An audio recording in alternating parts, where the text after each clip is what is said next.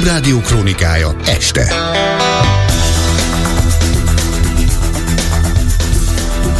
Hat óra múlt négy perccel, ez a lényeg a Klubrádió esti hír összefoglalója.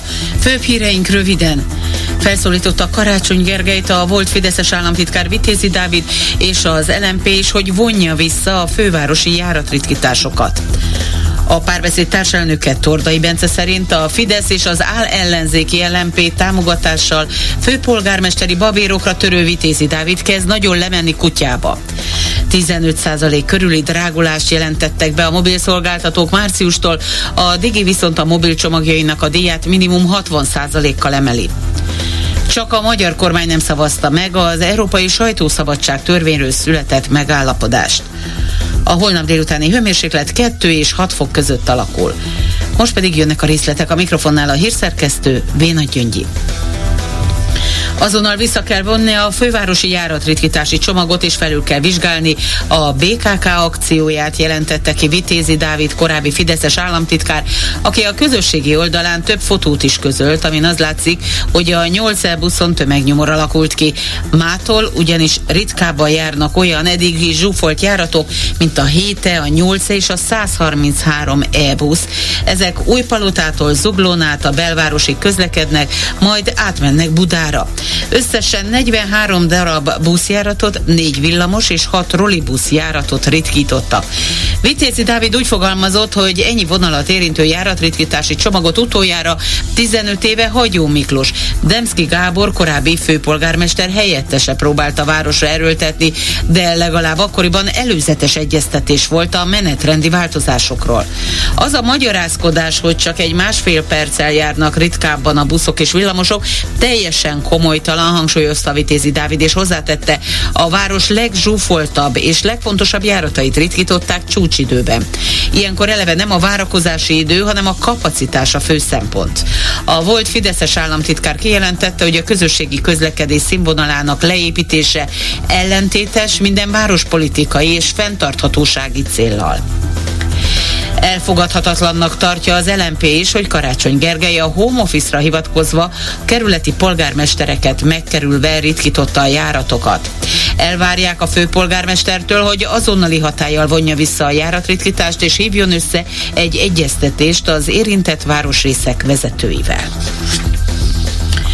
Vitézi Dávid a Fidesz és az áll ellenzéki LMP támogatásával főpolgármesteri babérokra törő közlekedés politikus kezd nagyon lemenni kutyába. A szakmaiságot is megcsúfolja, csak hogy minden nap belemarhasson Karácsony Gergely bokájába, jelentette ki Tordai Bence a párbeszéd társelnöke. Hozzátette, hogy a főváros és annak közösségi közlekedése súlyos pénzhiányjal küzd, amit Vitézi Fideszes barátainak Budapest elleni megszorító hadjárata eredményezett. Ha a Vitézi tényleg jót akar, szóljon a fideszes haverjainak, hogy adják vissza a budapestiek pénzét, hangsúlyozta Tordai Bence megszüntetik a céget, ami luxusházat vett, adott ki, majd adott el Varga Mihály pénzügyminiszternek, írta meg az átlátszó. Az oknyomozó portál azt írja, úgy tűnik tényleg csak azért jött létre a Gyenes Resort Kft. 2019-ben, hogy megvegyenek egy balatoni luxus ingatlan, majd potom pénzért kiadják azt Varga Mihály pénzügyminiszter családjának. Ugyanis miután a legalább 169 millió forintot érő nyaralót Vargahék megvették tőlük, le is húzták a rolót, mondta a Katus Eszter, az átlátszó újságírója a Klubrádiónak.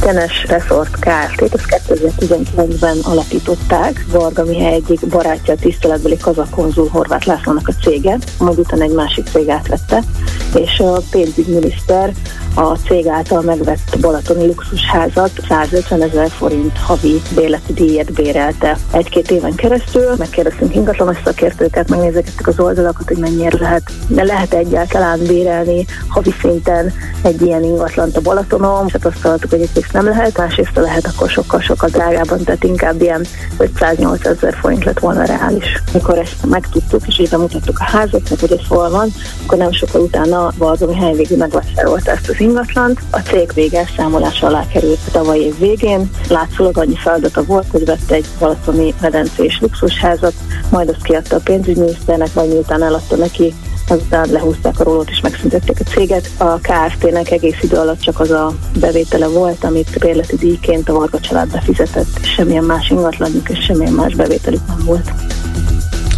Ismét jelentős áremelést jelentettek be a mobil szolgáltatók. Az új tarifák március 1-től érvényesek. Az áremelés alapja az előző évi infláció. A legkisebb mértékben 15%-kal a Magyar Telekom emeli a díjait.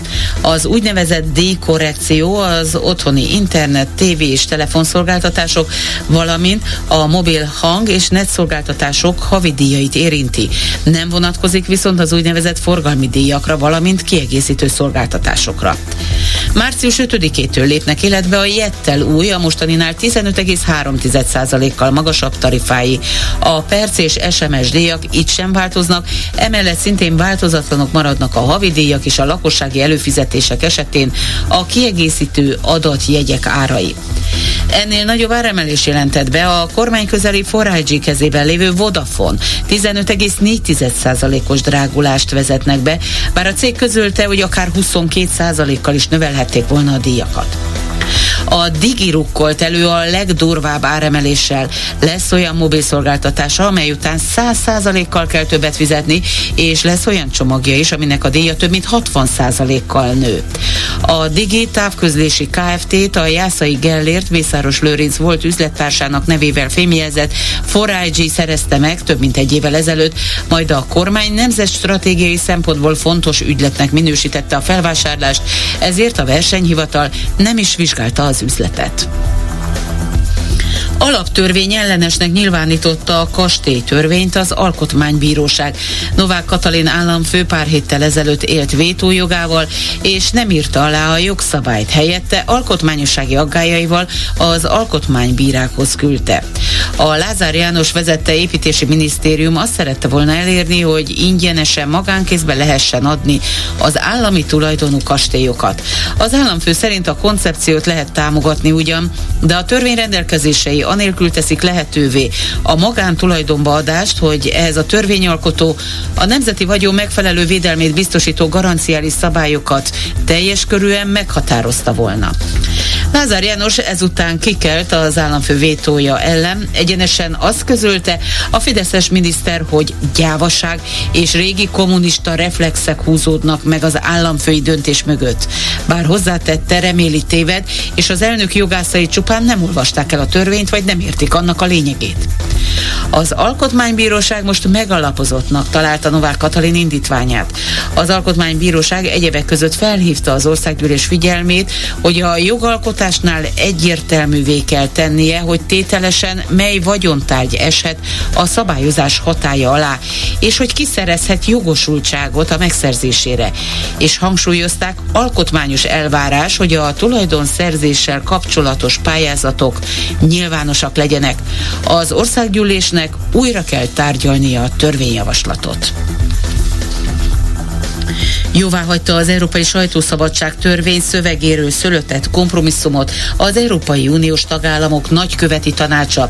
Az ülésen egyedül a magyar kormány képviselője szavazott nemmel, ami azonban nem akadályozhatta meg a döntést, elég volt a tagállamok minősített többségének az egyetértése, írta meg a népszava. Az Európai Bizottság 2022-ben terjesztette elő az Európai Médiaszabadság törvényről szóló javaslatát.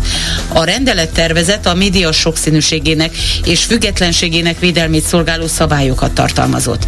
Biztosítékokat az újságírók megfigyelése és a szerkesztői döntésekbe való politikai beavatkozás ellen. Előírásokat a közszolgálati média pártatlanságának a garantálására, valamint a média tulajdonlás és az állami hirdetések elosztásának az átláthatóságára. Az új lengyel kormány eltökélt a jogállamiság visszaállítása mellett, így elő lehet készíteni az uniós alapszerződés hetes cikkeje szerinti eljárás lezárását, jelentette ki Didier Renders, az igazságügyért felelős uniós biztos Varsóban, miután tárgyalt a lengyel igazságügyi miniszterrel és a főügyésszel. Hozzátette, a folyamat nem egyszerű, azt megvitatják az uniós tagországok bel- és igazságügy minisztereinek jövő heti informális találkozóján, majd további egyeztetések is következnek következnek. Tíznapos figyelmeztető sztrájba kezdenek a bírák és az ügyészek Horvátországban, miután nem sikerült megállapodásra jutniuk az illetékes minisztériummal a béremelésről, közölte a Horvát Bírók Egyesülete.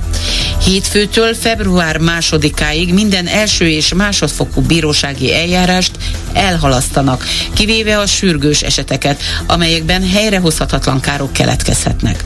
A sztrájkot azután jelentették be, hogy a kormány és az igazságügyi minisztérium részéről nem érkezett új ajánlat a tavaly májusban tett ígéretek teljesítésére lebukott Brazília volt elnöke. Jair Bolsonaro-ról, aki oltás ellenes volt a koronavírus járvány idején, és rendszeresen terjesztett hamis információkat az oltás hatékonyságával kapcsolatban, kiderült, hogy hamisították a vakcina igazolványát. Erről írt a Reuters. A hivatalos nyilvántartás szerint 2021. júliusában kapott védőoltást egy klinikán a volt elnök. Az igazoláson szereplő adatok hitelessége miatt májusban vizsgálatot indított a szövetségi kormány ellenőrzési hivatala. Az az ápoló, aki az igazolás szerint beadta a védőoldást, tagadta, hogy beoltotta volna az akkori elnököt. Mindemellett a feltüntetett vakcina azon a napon nem is volt azon a helyen, ahol a papír szerint Bolsonaro oltást kapott. Végül az időjárásról. Késő estére mínusz 4 és plusz 1 fok közé hüll a levegő. Holnap a Dunántúl északi részein és a Dunakanyar környékén élénk nyugati szére számíthatunk. Szombaton a délutáni hőmérséklet 2 és 6 fok között alakul, de a havas tájakon néhol csak 0 fok köré melegszik fel a levegő. Most folytatódik az esti gyors, híreket legközelebb 7 órakor hallhatnak itt a Klubrádióban. Lényeget hallották.